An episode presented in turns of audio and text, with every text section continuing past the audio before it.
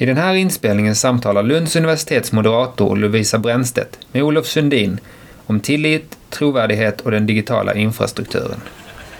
Då är ni varmt välkomna till Lunds universitet här på Bokmässan och våran monter.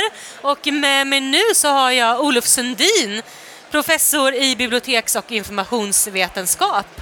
Och eh, du och jag ska ju prata om ett, får man verkligen säga, brinnande aktuellt ämne, nämligen medie och informationskunnighet som du tillsammans med Jutta Heider precis har givit ut en bok och du visar mig precis när vi skulle gå på här att det är en av de tio mest populära titlar just nu på förlaget. Stämmer det? Nedladdade titlar. Ja, en av de tio mest nedladdade titlarna på förlaget. Så bara det vittnar ju också om vilket eh, aktuellt ämne det här är och vilket mm.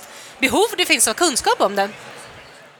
Så hur kommer det sig, om jag tänker att vi kan börja med jag kanske tar det från början, för ni formulerar ju ett problem eller en paradox i inledningen till boken när det gäller just mediekunnighet och hur vi, ja. hur vi ska förstå det. Ja, man kan, man kan väl säga att uh, vi, lever i en tid då uh, som kännetecknas bland annat av en uh, minskad tillit till våra ja, tillsammansinstitutioner, kulturinstitutioner, medieinstitutioner med mera. Och den här minskade tilliten har bland annat lett till ett ökat intresse bland myndigheter, skolor, forskare för frågan om medie och informationskunnighet. Och samtidigt så är just medie och informationskunnighet väldigt svårt att hantera utan en generell tillit i samhället. Så det kan man säga att det är en slags grundläggande paradox om man så mm. vill. Mm. Mm. Och i boken så har ni flera tematiska kapitel när ni diskuterar den här frågan. Jag tänker att vi ska fokusera på ett par av dem och kanske framför allt hur man hanterar det här i skolan. Mm. Hur ser det ut om vi ser på... Det som jag också tycker är spännande i boken är att ni gör en utblick och studerar hur man lär ut de här frågorna, inte bara i Sverige utan också i USA och i Storbritannien. Och ska vi börja med en vid utblick, om vi börjar i USA, hur ser det ut? Hur talar man om den här typen av frågor i undervisningen där? Alltså USA och skola, liksom så mycket annat, eh, är ju eh, ser olika ut beroende på var man är i USA, i olika delstater och så vidare. Men man kan väl säga att vad som kännetecknar Sverige i relation till eh, både USA och många andra länder är ju att man lägger väldigt stor vikt vid källkritik om man tittar på läroplaner. Och eh, det kan man väl säga att det, det är väldigt utmärkande för Sverige att det finns eh, ordet källkritik används oerhört mycket i läroplanen. Mm. Och, har, och inte bara i skolan, men, men nu är det det vi ska tala om. Mm. Och är det ett svenskt fenomen, alltså just ordet källkritik, att vi lägger så väldigt mycket i det?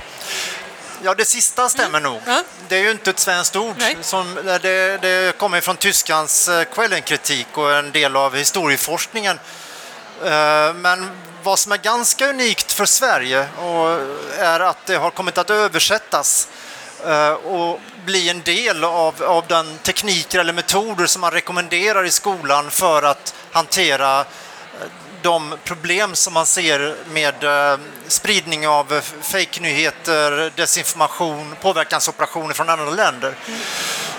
Och även om det finns som liknande översatt också i Norge och Danmark och delvis i Tyskland från början så är det ännu mer utpräglat i Sverige skulle jag säga. Sen finns det ju andra begrepp som fångar upp motsvarande saker kanske men i Sverige har just källkritik kommit att bli lösningen på så många svåra frågor. Mm. Det här tycker jag är spännande. Jag har en utbildning i historia i grunden och då lär man sig källkritik. Det är, det är en metod för historievetenskapen. Och så har den fått en så stor spridning och ibland så tänker jag när vi pratar om humanioras betydelse i samhället och det finns de som är skeptiska vad bidrar humaniora med egentligen? Ett väldigt enkelt svar är vi har också bidragit faktiskt med begreppet källkritik. Det är ju faktiskt något som ja, ja. den humanistiska forskningen på gott och ont har bidragit med. Ja, men absolut. Det, och det diskuterar vi i boken det, genom att luta oss mot eh, en historiker, svensk, som heter Bertil Fredriksson.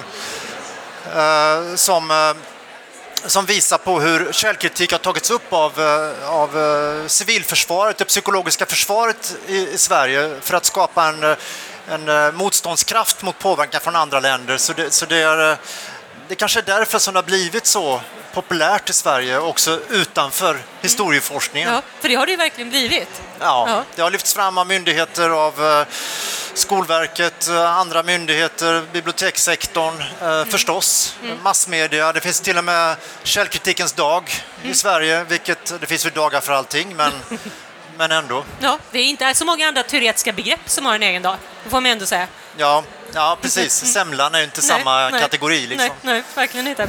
Men eh, ni kallar ju det här också för, ni, ni talar om olika paradoxer i boken och talar om det här som en tillitsparadox.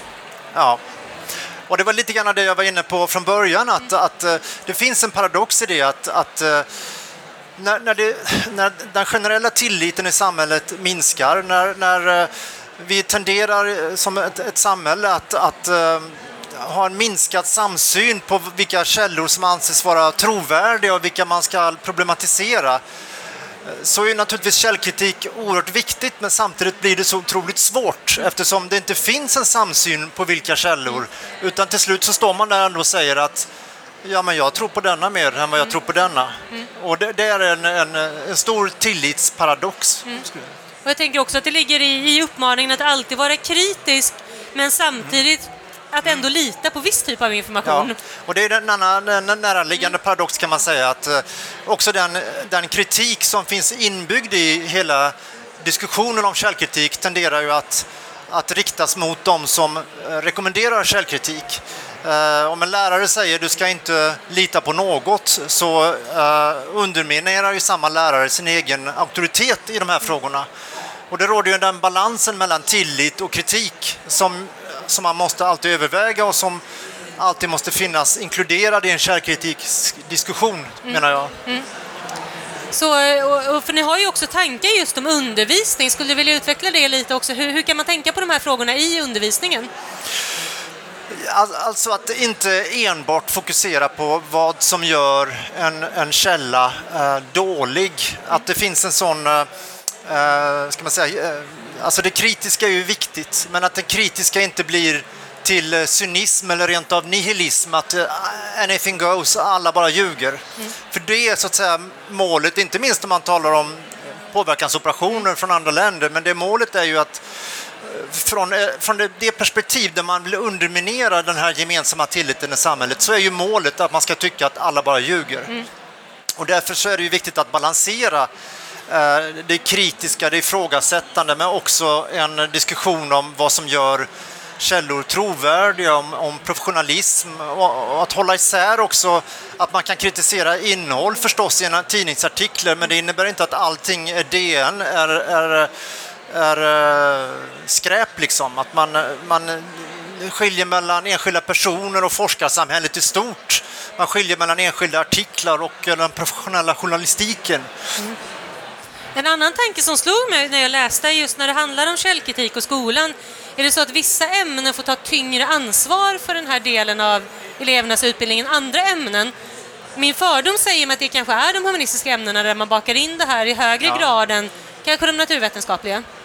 Ja, det där är ju svårt. Va? Man, kan ju, man kan ju se att läroplansförfattarna har brottats med de här frågorna. Mm.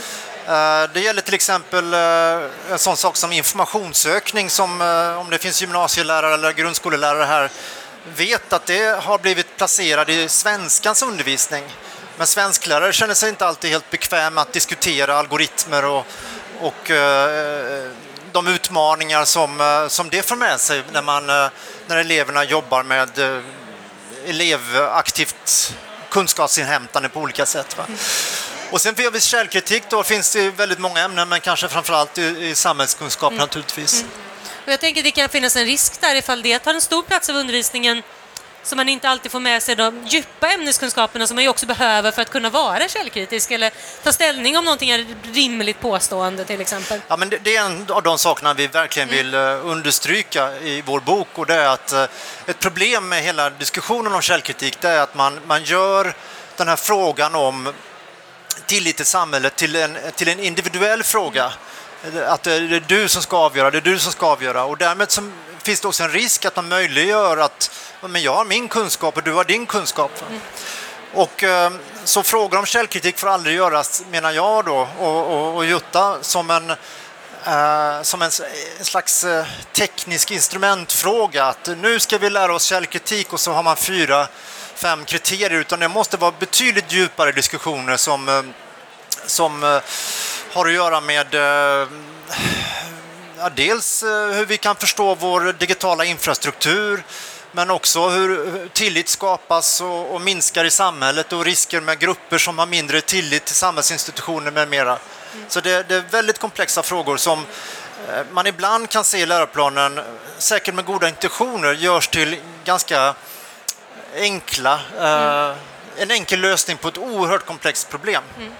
Du nämnde det här med digitala infrastrukturer, för det är ju också en tanke som, som ni också tar upp i boken, att källkritiken börjar först efter att man har sökt upp information. Mm. Den börjar inte i själva sökandet.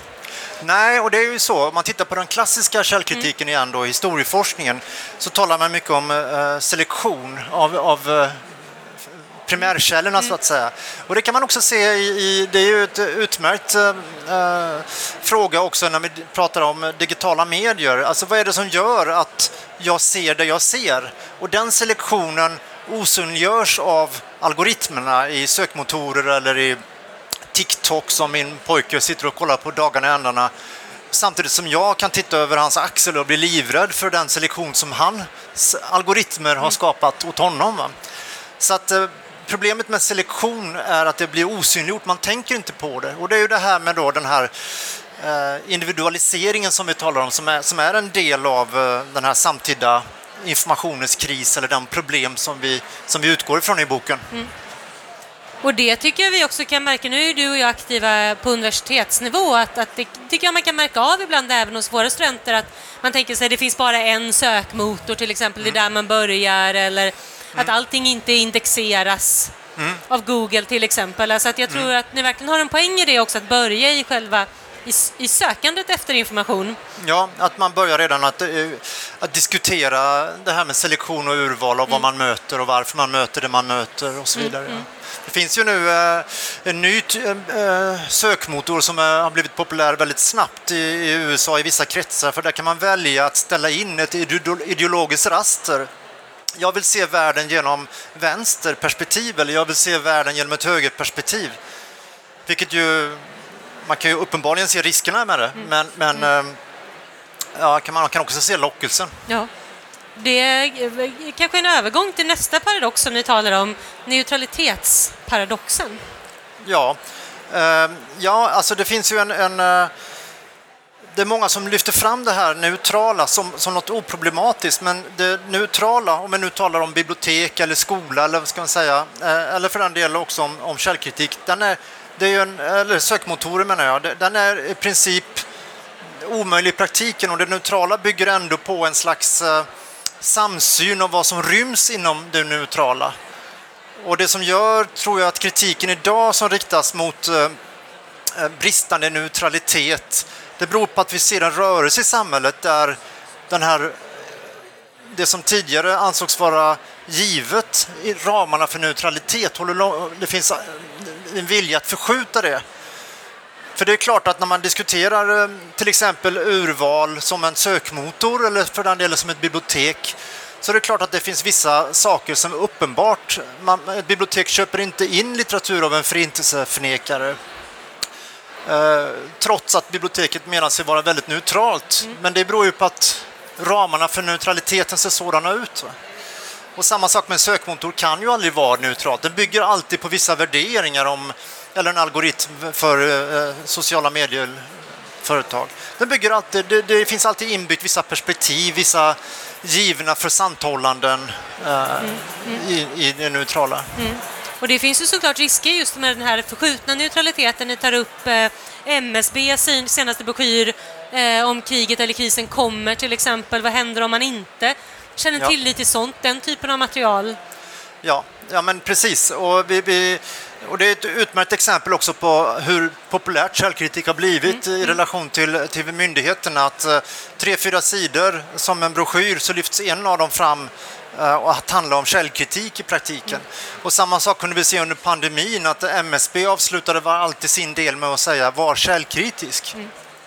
Men eh, om man tittar på, som vi har gjort i våra studier och som vi redovisar i boken, så finns det alltid en Eh, när, när, till exempel eh, eh, krisinformation.se som är myndigheternas samlade krisinformation lägger ut ett Facebook-meddelande om vikten av att vara källkritisk så blir det en, en reaktionsstorm som är, men vad är källkritik?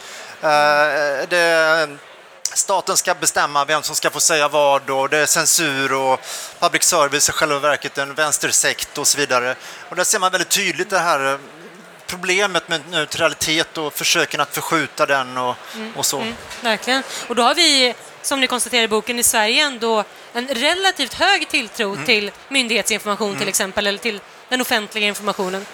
Ja, precis. Det är ju en, en, en, liten risk som vi tar att vi målar upp ett problem som, som inte är så stort ännu. Och det är ju betydligt större i många andra länder och kanske också på goda grunder. Mm. För att, eh, låt säga om vi nu tar tillit som någon slags grundläggande kriterium för de här frågorna. Så att ett samhälle har en, en generellt sett låg tillit, det kan ju vara rimligt utifrån mm. eh, hur samhället ser ut. Det kan ju vara en, en, en, en, persons tillit till myndigheter, som att den är låg i ett land, kan ju vara en överlevnadsstrategi där ett mm. annat land är ett demokratiskt problem. Ja. Den signalen ljöd precis kvart i. Jag vet inte om det var, det var nog inte med mening, men vi tar det som ett tecken. Eh, det här är jättespännande. Olof, stort tack för att du tog dig tid. Eh, och jag tror att det här är ett samtal som vi kommer fortsätta att ha, du och Jutta och tillsammans med väldigt många intressenter. Så varmt tack! Tack så mycket!